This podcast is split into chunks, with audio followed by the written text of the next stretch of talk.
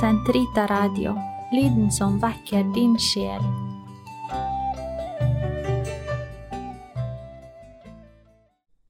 I Faderens og Sønnens og Den hellige ånds navn. Amen. Kom og si hu hos salige Josef, og gå til din fostersønn i forbønn for oss, og gjør på samme vis den salige jomfru Maria, din hustru, velvillig mot oss, for hun er hans mor, han som med Faderen og Den hellige ånd lever og råder fra evighet til evighet. Amen. Hellige Josef, be for oss. Jomfruens ektemann, be for oss. Kristi årvåkne forsvarer, be for oss. Den hellige kirkes vokter, be for oss. I Faderens og Sønnens og Den hellige ånds navn. Amen. Dette er et opptak av et foredrag som jeg holdt uh, om Den hellige Josef um, for NUK. Dette foredraget kunne ikke ha kommet på en mer passende tid enn denne. For det første har vi nettopp feiret Hellige Josefs festdag 19. mars. Jeg håper den var storartet for dere alle sammen. Og mars er også måneden for den hellige Josef, så det er riktig måned å bli kjent med hellige Josef på. For det andre er dette året erklært for å være Josefs år, så det som paven erklærte ved begynnelsen av det liturgiske året på festen for Marias plettfrie unnfangelse 8. desember. Den 8. desember 2020 er nemlig 150-årsjubileum for pave Pius 9.s utnevnelse av Sankt Josef til Den universelle kirkes skytshelgen. Det er altså riktig år å bli kjent med hellige Josef på. For det tredje snakket pave emeritus Benedikt den 16. om vår tids problemer med å forstå hva og hvem en far skal være. Verden, og særlig vår del av den, den vestlige verden, tåler ikke faren, for faren står for tradisjon, for autoritet, for respekt og for kjærlighet til vårt land og det som var før oss. Ordet patriarkat betyr for eksempel fedrenes styre, og det, det er jo et av de mest forhatte uttrykkene for mange i dag.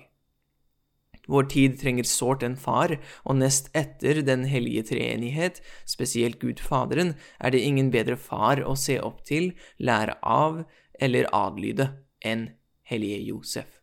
Det er altså den rette tidsalder for å bli, for å bli kjent med Josef. Nå, ettersom det er rette uh, måned, år og tidsalder å bli kjent med hellige Josef på, så setter jeg uten videre i gang. Vi begynner med Josef i Bibelen. Fra katekesen er jeg sikker på at vi alle har lært at Kirken får all sin åpenbaring fra Kristus gjennom apostlene, både skriftlig og muntlig, inspirert av Den hellige ånd.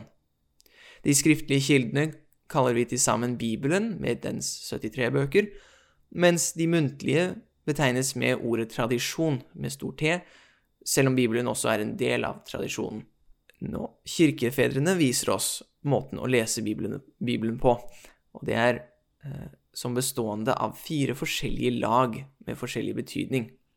Det allegoriske, det anagogiske, det moralske og det bokstavelige. Men vi skal bare se på, de, på to av dem, nemlig det bokstavelige og det analogiske, eller det typologiske. Det typologiske går på å se hvordan en hendelse i Det nye testamentet forutsies i det gamle, og hvordan det gamle gjentas og oppfylles av noe i det nye. For eksempel er bergprekenen klart forbundet med at Moses gir de ti bud fra Sinai-fjellet. Bare ved å se på teksten er det lett å få med seg.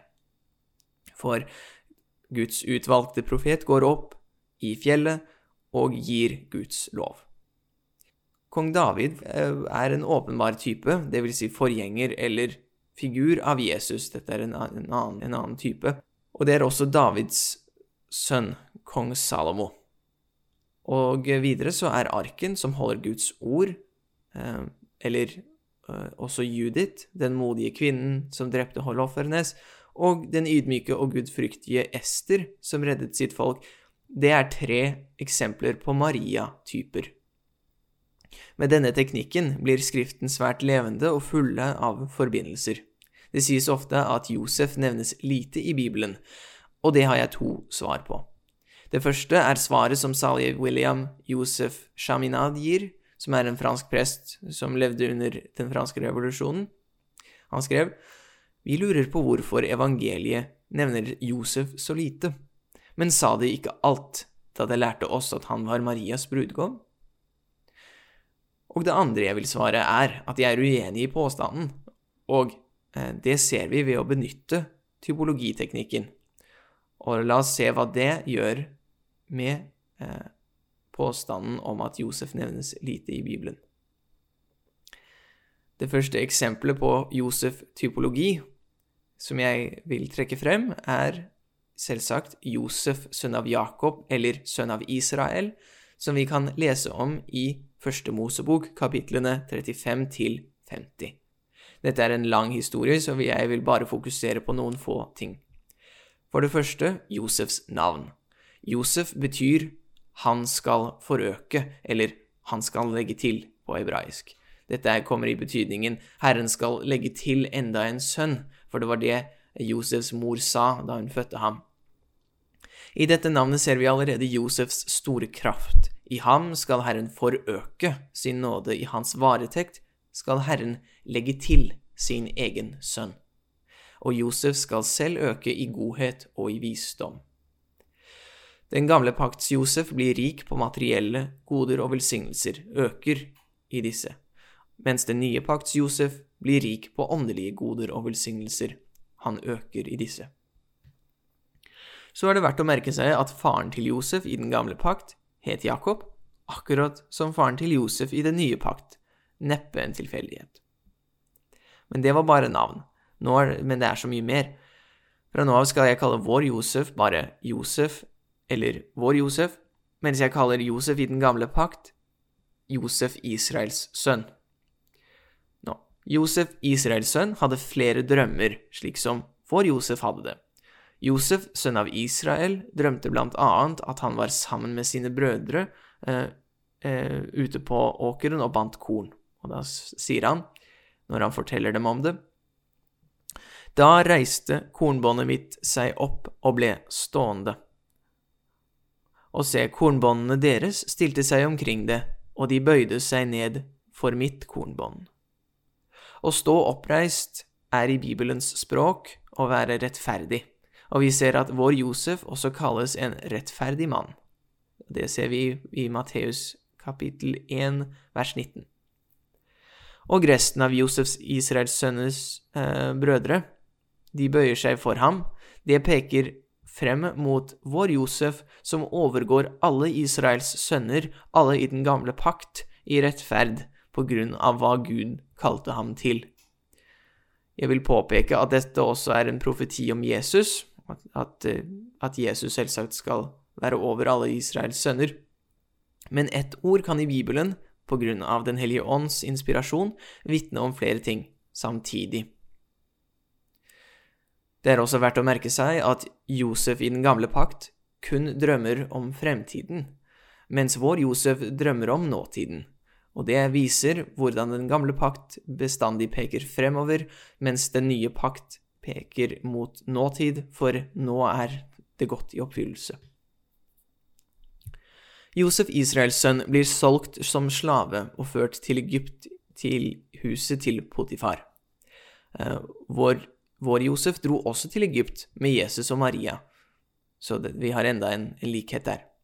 Josef var velsignet med Jesu nærvær, og dette profeteres om i første Mosebok, når det står at Herren var med Josef, så alt lyktes for ham.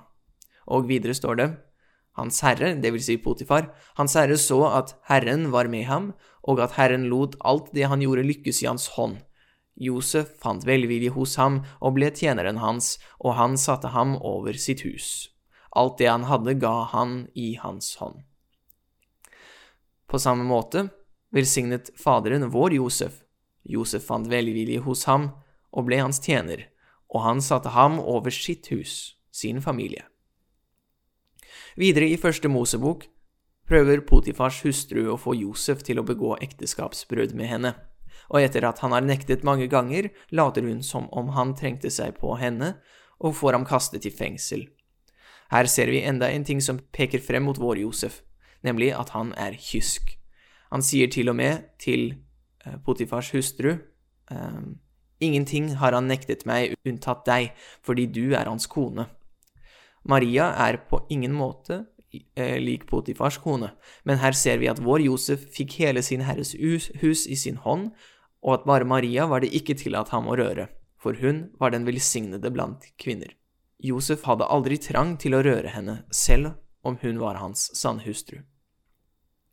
Senere, og nå hopper jeg litt, settes Josef, Israels sønn, over hele Egypt, og det farao sier til ham, ligner det Gud Faderen sier til Josef når det gjelder Den hellige familie og så den katolske kirke. Farao sier, Du skal råde over mitt hus, og etter ditt ord skal hele mitt folk rette seg. Bare når det gjelder tronen, vil jeg være større enn du. Så kommer det en hungersnød over Egypt, og da sier farao til egypterne, Gå til Josef, det han sier skal dere gjøre. På latin IT ad Josef, gå til Josef. Vi leser dette som en oppfordring om å stole på hellige Josef med våre liv, visse om at han vil oppnå for oss det vi trenger, siden Herren er med ham i alt han gjør. Vi kunne holdt på med dette i dagevis dersom jeg skulle vise hvordan Sankt Josef forutsies i Det gamle testamentet, eh, så jeg nevner bare et par eksempler til. Abraham er et godt eksempel. Abraham var gift med Sara, og Sara ble med barn ved Guds kraft og fikk Isak. For å prøve Abrahams tro ba Gud ham ofre Isak sin sønn, men før han fikk gjort det, sendte Gud en engel som stoppet ham, og han ga ham et lam som han kunne ofre i stedet. Abraham, Sara og Isak er en ufullkommen skygge av den hellige familie, Josef, Maria og Jesus. Vi ser hvordan Maria og Jesus oppfyller det som påbegynnes i Sara og Isak, nemlig moren som blir med barn ved Guds kraft, og sønnen som skal ofres til Gud. Men i Abraham ser vi også Josef, han som eh, skal bli far til et stort folk, som skal ha en ett like tallrik som stjernene på himmelen. Og det ser vi fordi Josef er Jesu fosterfar, og i Jesus er hele kirken. Senere kommer vi nærmere inn på Josefs forhold til Jesus, men det som kan sies om Abraham, kan sies i enda større grad om Josef. Det andre eksempelet jeg vil trekke frem, er David, konge over Israel. Først når han fører arken inn i Jerusalem. Det, det er det første jeg vil se på. Arken er, som vi vet, et bilde på Maria. For like som arken er den hellige beholderen som bar Guds ord skrevet på tavler av stein, så bar Maria, den rene jomfru, Guds ord blitt kjød. David blir satt til vokter for arken i den gamle pakt, og Josef blir satt til vokter for den nye paktens ark. Og her begynner det å bli spennende. Nå er vi i andre Samuels bok kapittel seks, hvor David fører arken opp til Jerusalem og lar den kjøres på en vogn, og en mann som heter Ussa, står nær. Så holder arken plutselig på å falle av vognen, og Ussa strekker hånden ut for å støtte den, men Gud slår ham ned fordi han våget å røre ved paktens ark, som ingen skulle røre. Og da blir David full av skrekk og sender arken fra seg til å bli hos en prest i Judea i tre måneder. Hvem andre var det som ble slått av undring over arkens kraft og sendte den fra seg til Judea i tre måneder? Det var Josef. Han så at Maria var gravid, altså så han at arken hadde makt til å gi liv, mens det i Gamle testamentet var det arkens kraft til å ta liv. Etter det ville han sende eh, arken fra seg, men selvsagt eh, forsikrer Herren ham om at det er trygt. Likevel, likevel sendes Maria og blir hos en prest i Judea, Sakarias, og hans kone Elisabeth i Judea i tre måneder. Og etter det tar Josef henne hjem til seg, og etter arkens opphold i Judea så tar David eh, den med til sin hovedstad, Jerusalem. Dette var den første episoden av eh, denne foredragsserien, og jeg håper eh, dere fikk noe ut av det, og jeg håper dere lytter til neste episode. Takk for nå, i Faderens og Sønnens og Den hellige ånds navn.